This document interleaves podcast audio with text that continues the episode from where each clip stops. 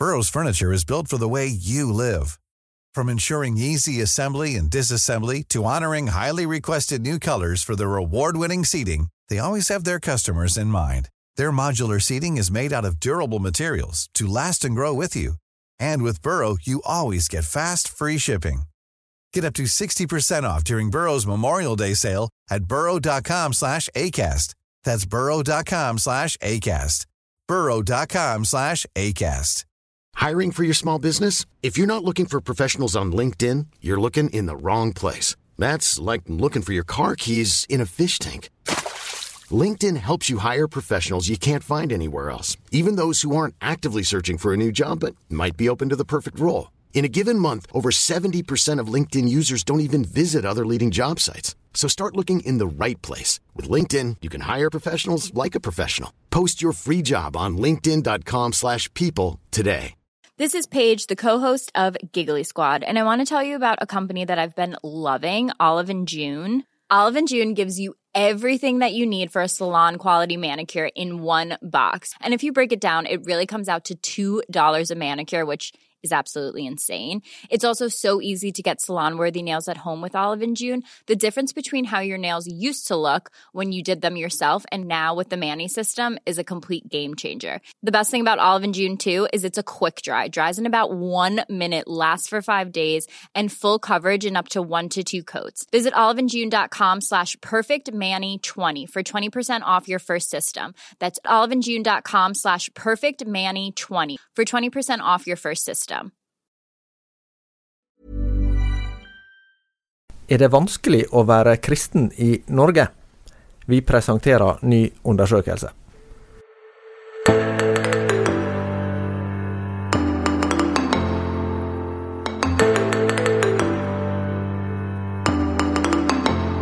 I dag er en litt spesiell dag her i Dagenhuset. Vi er nemlig i ferd med å lansere en ganske omfattende undersøkelse som eh, vi har jobba lenge og grundig med. Og vi har med oss deg, nyhetsredaktør Astrid Dalehaug Norheim. Kan du i korthet eh, forklare hva vi snakker om her? Ja, dette er noe som du sier vi har jobba veldig lenge med. Og det var Tarjei som begynte å stille en del spørsmål for lenge siden. Eh, hva vet vi egentlig om eh, kristne og kirkeaktive i Norge i dag? Vi så rundt oss det var store endringer i samfunnet, men vi visste veldig lite om hva som foregikk i kirkene og på bedehusene og blant holdningene hos de kristne. da. Jeg vet ikke om du kan si litt om hva du grunner på, Tarjei? Jo, Det hadde jo et, et, veldig konkret utgangspunkt. For det var en romjul, tror jeg, for ja, fem-seks år siden. Så gjorde vi det som vi gjerne gjør når vi skal undersøke litt. Så kjøper vi spørsmål hos meningsmålingsbyråene. Eh, og den gangen var det noen spørsmål knyttet til bibellesning. Eh, og det ga noen litt sånn underlige utslag. Jeg tror det var noe sånt som at 40% av pinsevennene ikke hadde åpnet Bibelen i løpet av det foregående året. Det fikk vi ikke helt til å stemme med det inntrykket vi ellers har av uh, pinsevenner. Uh, og så gikk vi litt inn i bakgrunnstallene og oppdaget da at i den altså blant de kanskje 1000 som var spurt, så var det gjerne bare en 40-50 stykker som var pinsevenner og som hadde svart på spørsmålene. Og da er det jo en, en, reell risiko for at det gjerne er folk som er formelt medlemmer i en pinsemenighet, men det er kanskje foreldrene eller noen andre som har vært eh, aktive. Og dermed gir ikke den gruppen et tilstrekkelig dekkende bilde av hva aktive pinsevenner i dag. Eh, altså hva slags bibellesningsvaner de har. Og den, den eh, dynamikken kan jeg overføre til en mengde andre spørsmål, så vi trengte da et verktøy som vi kunne bruke til å stille spørsmålet til de som går jevnlig til møter og gudstjenester, for å kartlegge hvor de står i en rekke ulike spørsmål. Vi gjorde forskjellige tilnærminger uten å egentlig komme noen vei. Eh, og så var det da at vi fikk et gjennombrudd i møte med et selskap som heter Nordic Navigation her i vinter, tror jeg det var. Ja, men du kan si noe om, om hva, hva, det gjennombruddet handler om? Ja, De har gjennomført en undersøkelse for laget, altså Norges kristelige student- og skoleungdomslag, som ble kjent i fjor. Eh, der de kartla norske kristne studenter sin opplevelse av det å være kristen student. Eh, for her var det jo viktig at vi måtte få inngang i menighetene. Sant? Fordi at her er ikke nok å bare gå til medlemslister, spesielt ikke i Norske kirke eller i store trossamfunn for øvrig, for da får du en bredere gruppe enn de vi ville komme i kontakt med. Så vi trengte å få kontakt med prester, pastorer, menighetsledere og andre som kan hjelpe oss til å komme i dialog med de som faktisk er jevnlig i kirken. Eh, og Da var det ryddig at det var noen andre enn vi som hadde den førstehåndskontakten med de det gjaldt. For her er det jo til dels eh, opplysninger som det kan være følsomme å oppgi. Eh, så det var viktig at det var en ryddighet i det, og det var viktig at det var noen som hadde tid til å bearbeide opplysningene ordentlig, sånn at vi får samlet de på en måte som gir mulighet til å presentere et overordnet eh, bilde av eh, situasjonen rundt de ulike kristne miljø. Så det har vært mye. Astrid har jobbet mye i samarbeid med Nordic Navigation og flere andre eksterne instanser som vi òg har benyttet oss av for å kvalitetssikre de dataene. Det kan du godt si litt mer om, Astrid, hvordan vi har gjort det? Ja, Vi har gått fram med museskritt, egentlig, for å komme, komme rett ut fra hoppkanten her. Vi har innledet et samarbeid med Senter for undersøkende journalistikk her ved Universitetet i Bergen. Eh, og vi har fått finansiering av Fritt Ord. Eh, og så har vi lagt veldig sånn stein på stein. Først måtte vi finne ut hvor mange aktive, kirkeaktive kristne det er i landet. Ja, hvordan finner en egentlig ut det? det var, vi har ikke akkurat stilt oss opp i kirkedøra og telt. Det kunne jo vært fristende. Så da må du, Og det finnes jo ingen liste, sant. Og når vi har vært i kontakt med en del av organisasjonene og kirkesamfunnene, så ser vi at det er veldig varierende på hvor, hvor godt eh, materiale, tallmateriale de sjøl har, da. Eh, så det vi har gjort, er at vi har tatt utgangspunkt i de tallene som finnes, og så har vi snakka med eh, høy og lav i ulike organisasjoner og kirkesamfunn, og fått gjort gode anslag og sammenligna de med hverandre osv. Men kan, kan, du si noe om størrelsesforholdet her mellom de som altså Det, det finnes jo da altså Den norske kirke er jo mm. åpenbart eh, de som samler flest til vanlig søndag, men, men si noe om de andre eh, trossamfunnene. Altså også, ja, for meg, altså, Du sier at det er åpenbart de som samler flest i Den norske kirka. Jeg, når jeg gikk inn i dette her, så tenkte jeg eh, kanskje en tredeling mellom frikirke og lavkirkelighet, altså bedehusforsamlinger, og Den norske kirka. Eh, men der tok jeg feil, altså. Eh, det viser seg at eh, ca. halvparten av de kirkeaktive er i Den norske kirke. Og så er det fordelt på frikirke og lavkirkelighet, de andre. Og så vil vi jo aldri få en fasit med to strek under svaret her, så lenge vi ikke stiller oss opp i kirkedøra og spør. Men jeg tror vi kommer så nært at vi kan si noe kvalitativt riktig om uh, forholdene. Men hvor ofte skal du være uh, på uh, gudstjeneste eller et møte for å bli regna som en aktiv kirkegjenger? Vi har sagt en gang i måneden, at du går til kirke en gang i måneden. Og så blir det vel sånn åtte til ti ganger i året når du tar vekk sommerferie og sånn. Og så Det har vi spurt alle om, og hvis de har svart at de går sjeldnere, så har de ikke vært med i utvalget vårt. Men de har fått lov å svare som spørsmål om de har ikke vært med i utvalget. Men veit vi da ca. Hvor, hvor mange prosent i Norge skal man regnes som kirkeaktive? Ja, det ligger vel på en rundt rundt 3, 3 og det var et tall som var antatt fra før av. Ja. Det er vel mellom, mellom 3 og 5 som har vært ja. tallet de siste kanskje 20 årene. Mm. Eh, og så har det vel antagelig vært en nedgang i løpet av de 20 årene.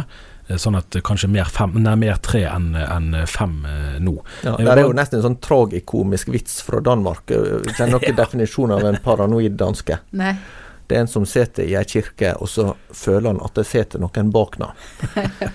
Men jeg bare, det er artig, det. her. jeg har bare lyst til å dvele litt ved, det eh, styrkeforholdet der. fordi at i medlemstall så er jo Den norske kirke i en helt egen divisjon. Det er ingen, absolutt ingen som er i nærheten av av folkekirken. Den er på første, andre, tiende, tyvende Altså de 30 første plassene si, på, på, listen vil det være Den norske kirke, og så kommer eh, de andre.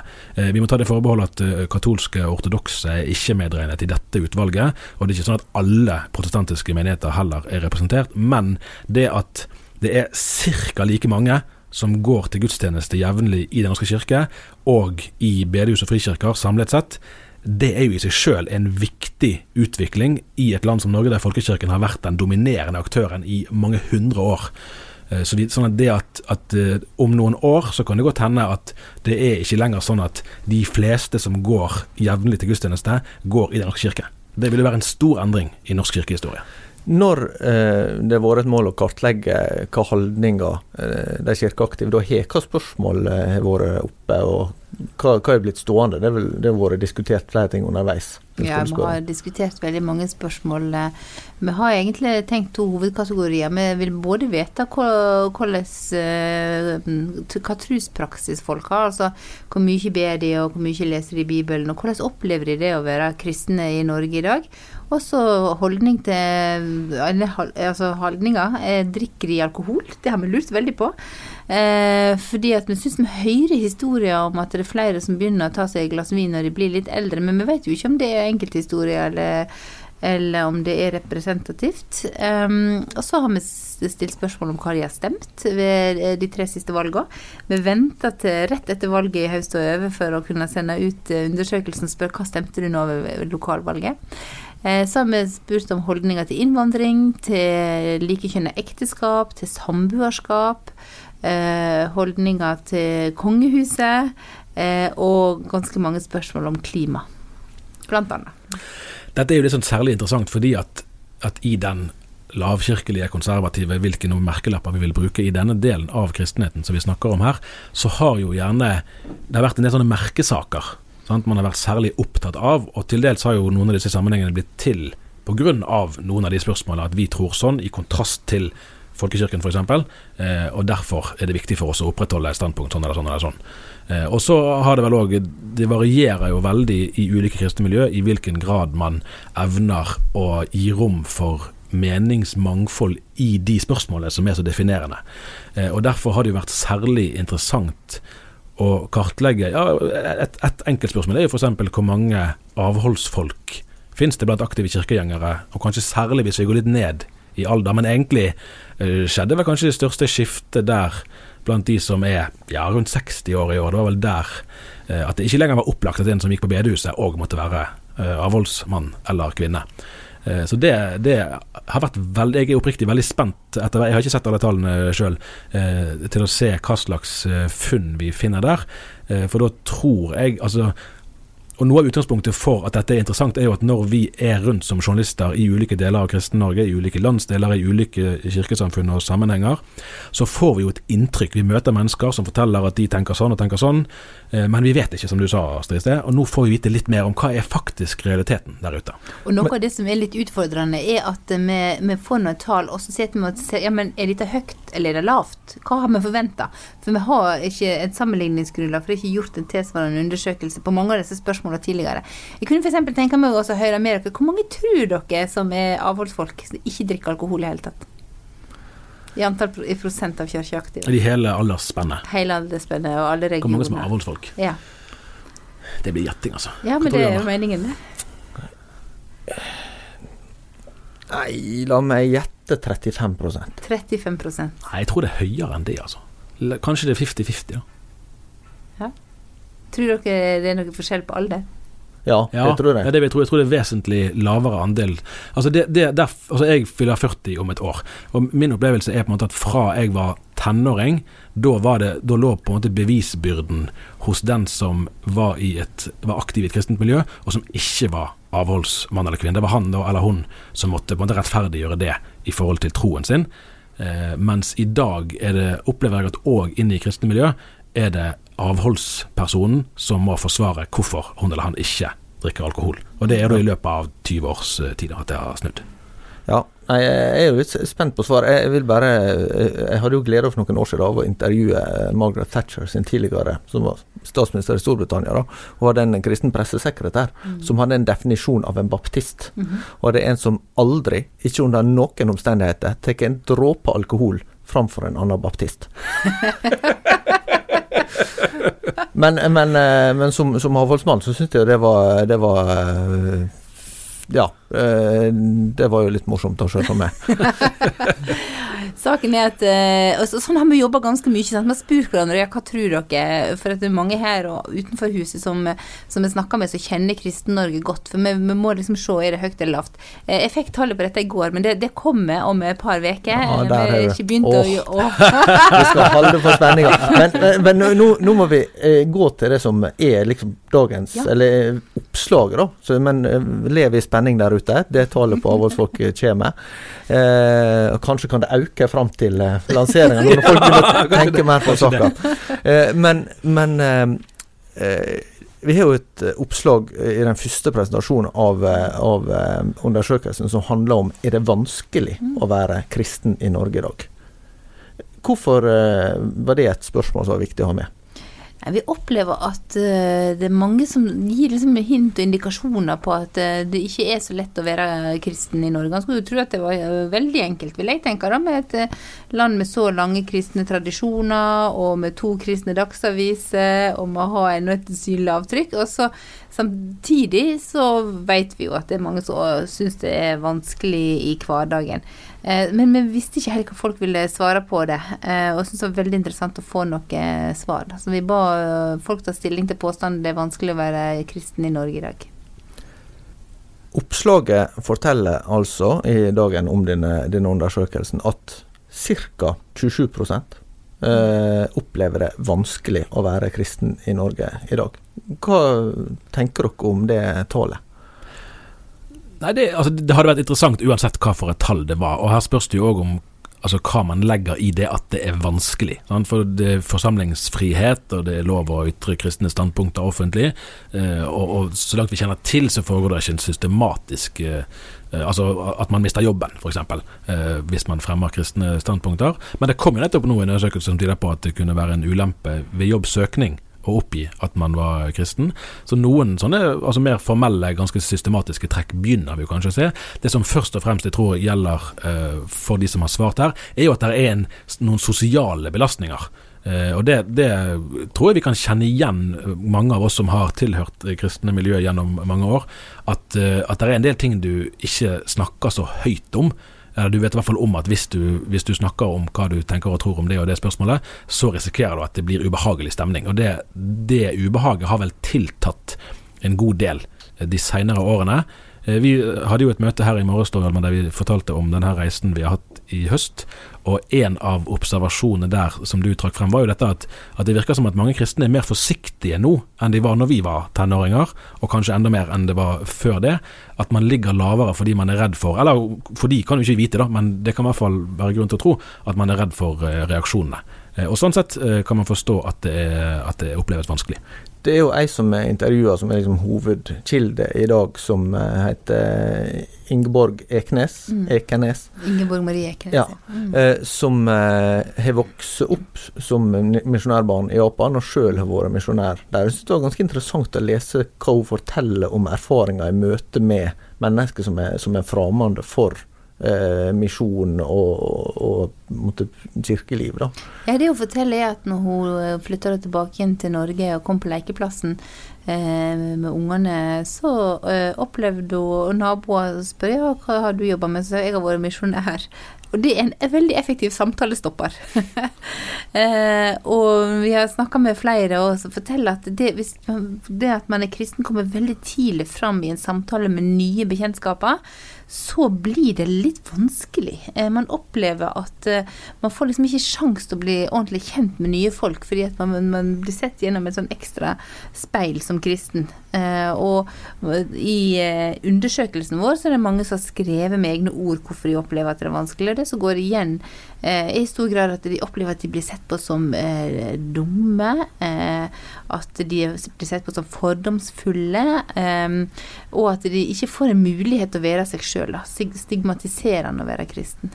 Men så er jo dette det er jo folks opplevelse. Vi kan jo ikke si at 27% blir trakassert eller utsatt for noen grad for forfølgelse, for vi er ikke på den skalaen der. Men det vi snakker om er deres opplevelse, og det vi ser er at folk endrer oppførsel. Eh, når man da har hatt et sånt par møter på lekeplassen, så lager man en annen strategi, og sier ikke at man har vært misjonær.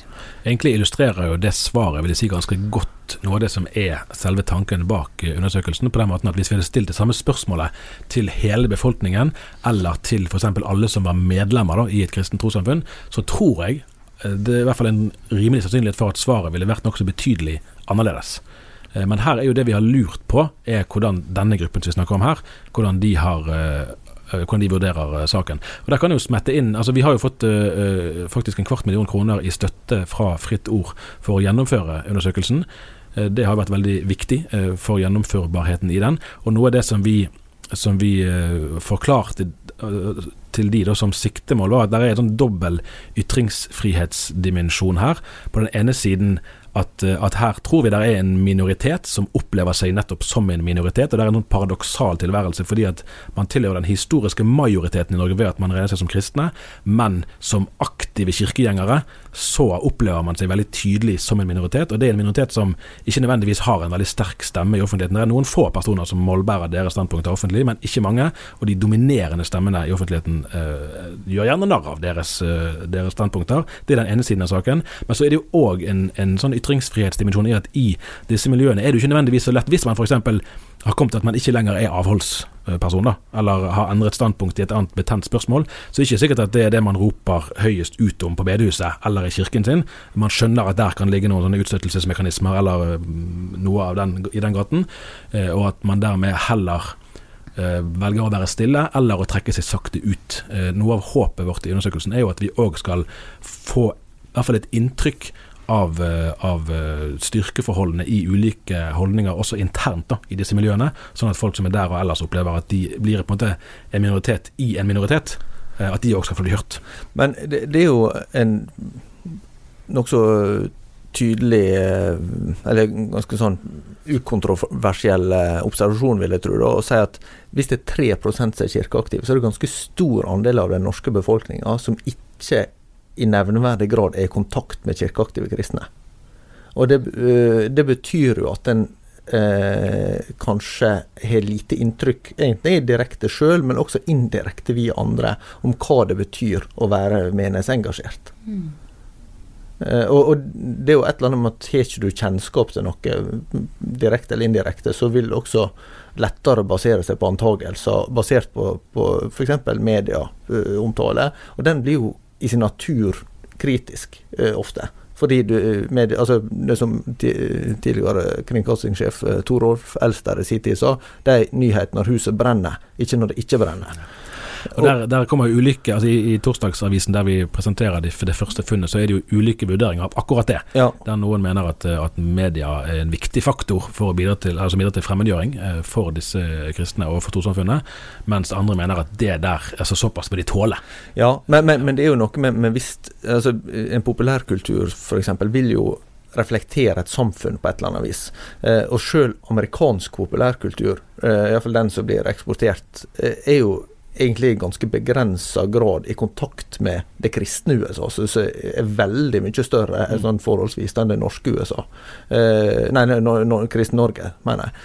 Eh, så, sånn at det, det, ligger jo noe der hvis du ikke vet noe om det Skrur du klokka noen tiår tilbake, så var det veldig mange som hadde gått på søndagsskole, f.eks. Jeg syns det var, var, interessant da jeg for noen år siden hadde en intervjuserie med kjente norske pressefolk som hadde bakgrunn i frikirkelige eller lavkirkelige miljøer. og Sånn er det ganske mange av. Harald Stange eller Tom Kristiansen, Otto Johansen, Dan Børge Akerø. Eh, og, og så dermed har hatt en sånn erfaring med seg inn i sitt arbeid. Men nå, hvis en så på f.eks. For den forrige rød-grønne regjeringa, så var det nesten ingen statsråder som hadde bakgrunn i aktivt kirkeliv. Mm. Eh, og, og, det reflekterer også noe med det norske samfunnet, da, tenker jeg. Mm. Et godt poeng. Og så er det jo spennende å tenke, med tanke opp på 3 eh, hvor, mange, um, hvor, mange er de egentlig i kontakt med? Uh, og har det noe å si? Hva snakker man om når man er i kontakt med ja, ja. andre? Det tror jeg er en av de samtalene vi kommer til å ha framover. For det kommer flere flere svar og flere spørsmål de neste dagene. Da, der vi ja. bl.a. tar opp dette. Og så er det jo et, et, eh, Dette er jo delvis en sånn sosial dimensjon, men også en teologisk dimensjon. fordi at eh, en kan se at hvis en, er en, en opplever seg som en liten minoritet, så kan det også bli mer eh, fordommer eller misforståelser. Men så, så, er det samtidig det som hele tida har leirer fra fra Jesus sjøl og hele kirkehistoria, at den, det å være en Jesus-etterfølger vil være noe som ikke alltid er populært. Altså, Jesus sier at har de forfulgt meg, så vil jeg forfølge dere. ikke sant? Og her, noe som står i andre Timotius brev, at enhver som vil leve gudfryktig, i Jesus Kristus, skal bli forfulgt. Så kan det også brukes som en sånn billig unnskyldning for, for den som, som, opplever at en havner i konflikt med folk. da, ja, dette er fordi jeg er kristen og folk liker ikke meg, og sånn. Men, men høyere konfliktnivået, dess bedre. ja, så, så det, det, er jo noe det er jo Nei, men der, er, er jo helt tatt en side ved saken der, det, det er riktig, det. Uh, og den står jo i kontrast til, til en forventning, da. Som, som, man gjerne har vokst opp med her i landet, om at vi er et kristent land, og dermed skal Norge legge til rette for, for kristen tro. Og sånn er det ikke. Nei, men, men, så husker jo vi at uh, vi var jo nylig på um, heimegården til Hans Nilsen Hauge. Uh, og han blir jo gjerne framstilt som en helt i etterkant, men han møtte jo ganske mye motbør i sin ja. egen tid. Ja, ja, ja. ja da, og der er jo på den side ved saken òg at vi, vi, er kanskje mer redde for uh, ja, altså krenkelser av ymse slag, da. Eh, at, at eh, der er eh, forskjeller, og det betyr noe. Forskjellene berører ofte spørsmål som er viktige for, for de det gjelder. Og dermed vil altså Det nytter ikke å dekke over motsetningene, men det er kanskje det vi prøver litt på. Og det er et vanskelig, et vanskelig prosjekt. Da tror vi bare at vi ser fram til fortsettelse her. Her kommer det garantert til å komme opp tema igjen. Og så er vi nå eh, på sluttet i dag eh, av dagens episode tatt med et intervju fra London, der vi var nå i helga. Jeg har intervjua sjømannsprest Torbjørn Holt, som eh, skal avslutte sin eh, tjeneste der etter 15 år. Og eh, med det intervjuet så sier vi takk for i dag, og så høres vi igjen neste uke.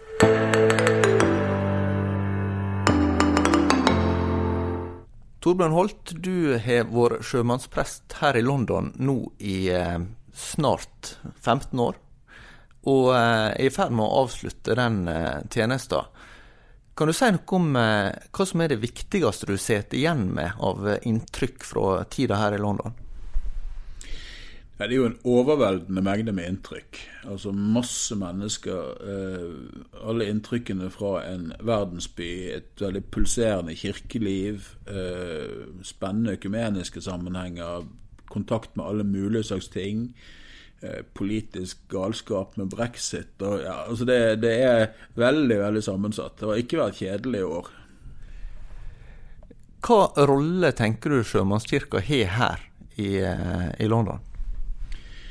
Jeg tror vi er en ganske sentral norsk institusjon. Vi er åpen for alle, og vi er åpen hver dag. Og vi er ganske tilgjengelig både for folk i glede og sorg og krise og hverdag. Og jeg tror dermed at vi kan være viktige for mange, og forstår at det er vi. Du har hatt ganske mye kontakt med andre kirker også, i tillegg til eh, skal jeg, miljøet rundt Sjømannskirka. Kan du si noe om det økumeniske arbeidet som du har vært med på?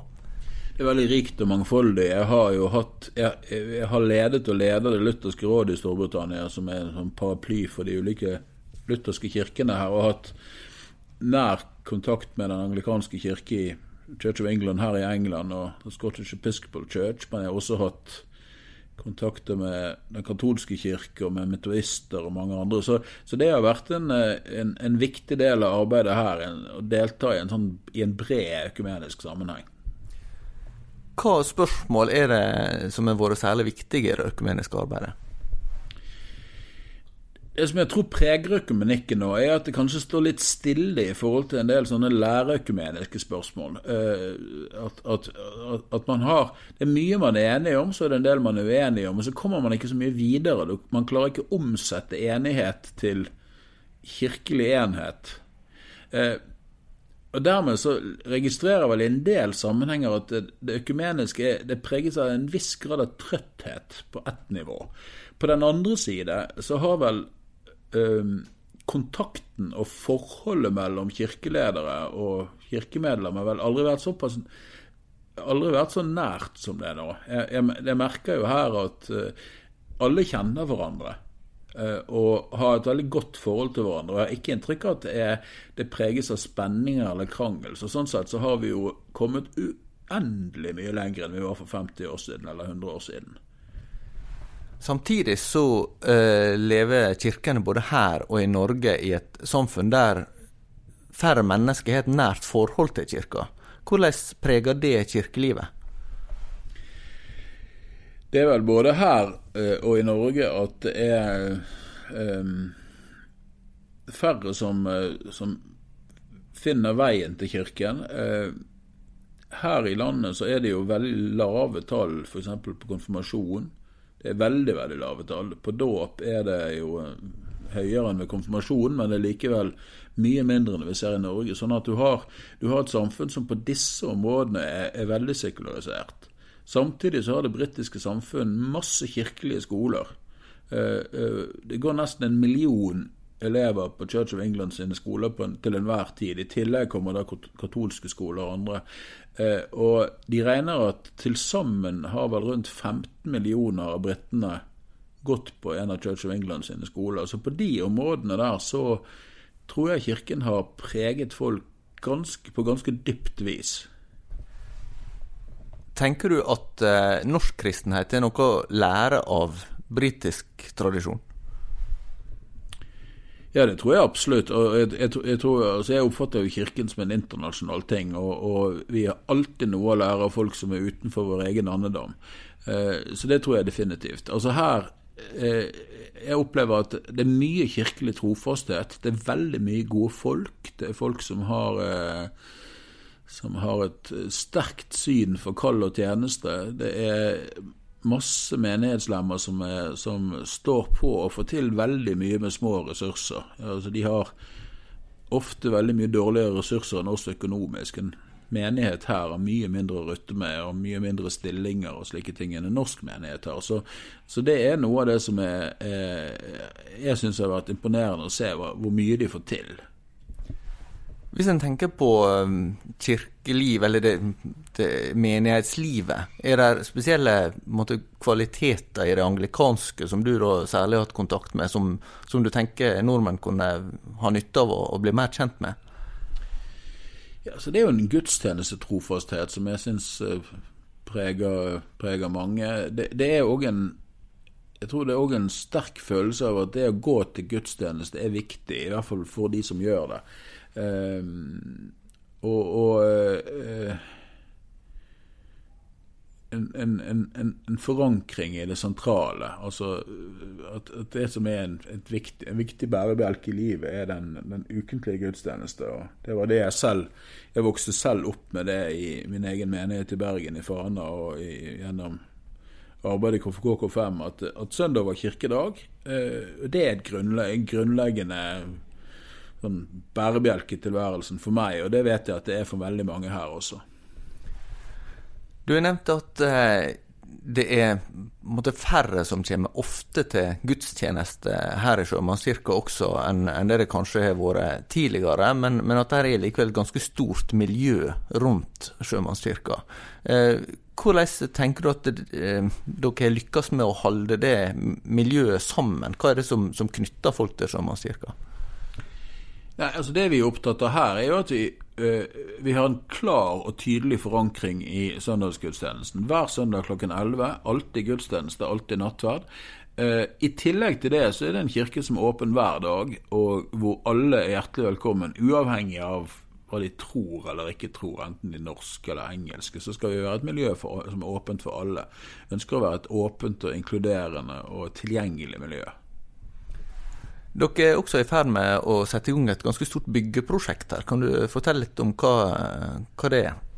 Visjonen for det er to ting. Det ene er å, å, sikre kirkens økonomi gjennom å ha utleieenheter, leiligheter som kan leies ut på kommersiell basis for å gi faste fremtidige inntekter for kirken. Det andre er at vi ønsker å bygge et leirsted som skal ha plass til besøkende grupper, sånn 50-60 stykker. som skal kunne det, Vi tenker særlig for yngre mennesker som kommer til London for, for eh, noen dager eller kanskje inntil en uke eller noe sånt, og at vi da kan tilby et sted for de å være. Og at, eh, at kirken da Sjømannskirken i London ikke bare skal være et sted du kan besøke, men også et sted hvor du kan bo.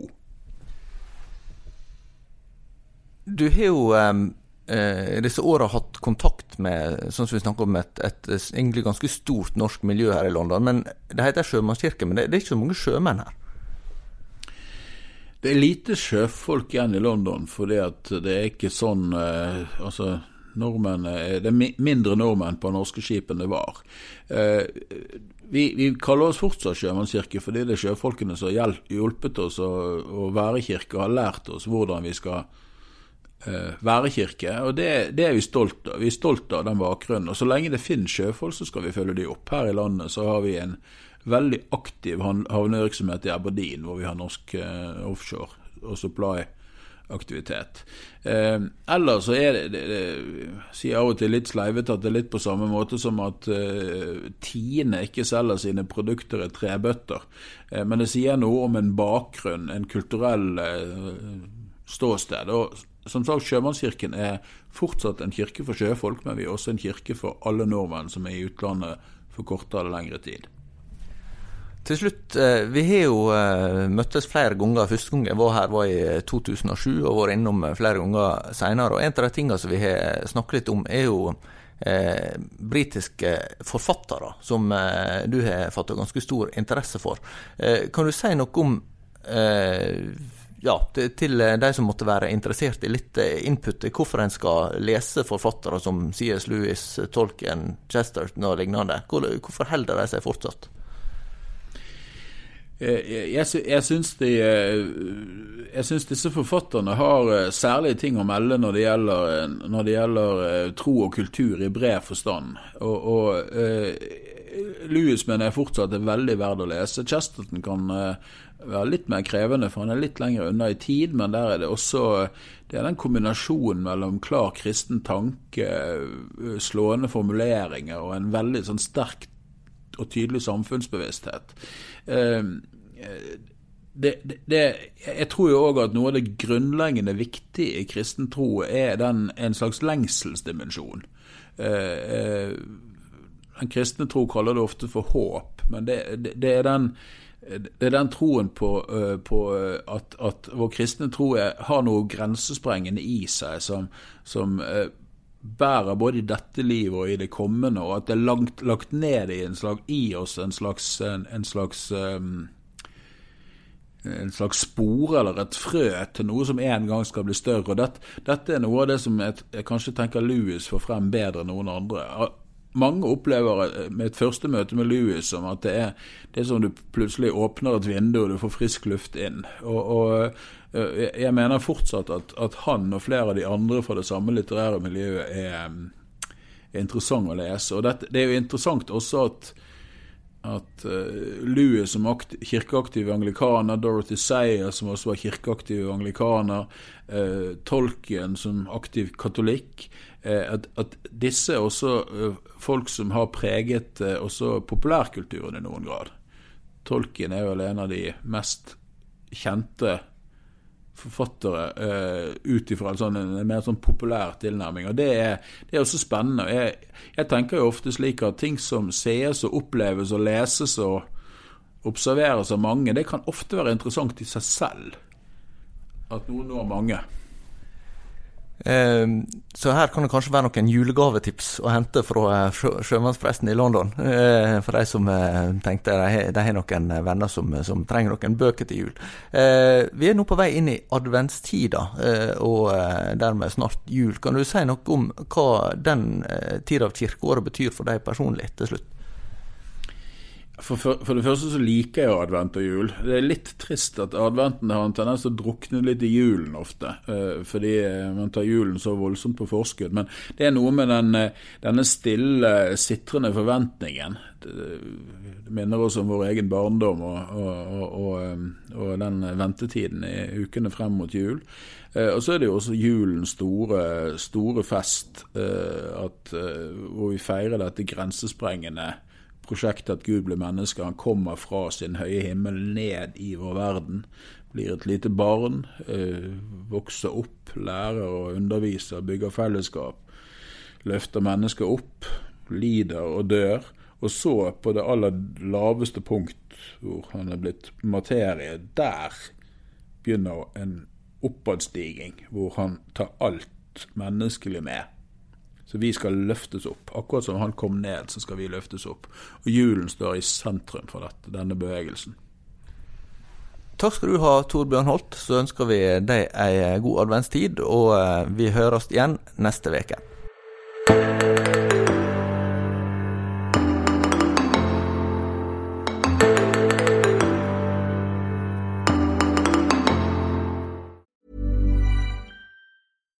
Normally Being a little extra might be a bit much, but not when it comes to healthcare. That's why United Healthcare's Health Protector Guard fixed indemnity insurance plans, underwritten by Golden Rule Insurance Company, supplement your primary plan so you manage out of pocket costs. Learn more at uh1.com. Hi, I'm Daniel, founder of Pretty Litter. Did you know cats tend to hide symptoms of sickness and pain? I learned this the hard way after losing my cat, Gingy. So I created Pretty Litter, a health monitoring litter that helps detect early signs of illness by changing colors, saving you money and potentially your cat's life. Pretty Litter is veterinarian developed, and it's the easiest way to keep tabs on your fur baby's health right at home. Go to prettylitter.com and use code ACAST for 20% off your first order and a free cat toy. Terms and conditions apply. See site for details. Even when we're on a budget, we still deserve nice things. Quince is a place to scoop up stunning high end goods for 50 to 80% less than similar brands. They have buttery soft cashmere sweaters starting at $50, luxurious Italian leather bags, and so much more. Plus, Quince only works with factories that use safe, ethical, and responsible manufacturing. Get the high-end goods you'll love without the high price tag with Quince. Go to quince.com/style for free shipping and 365-day returns.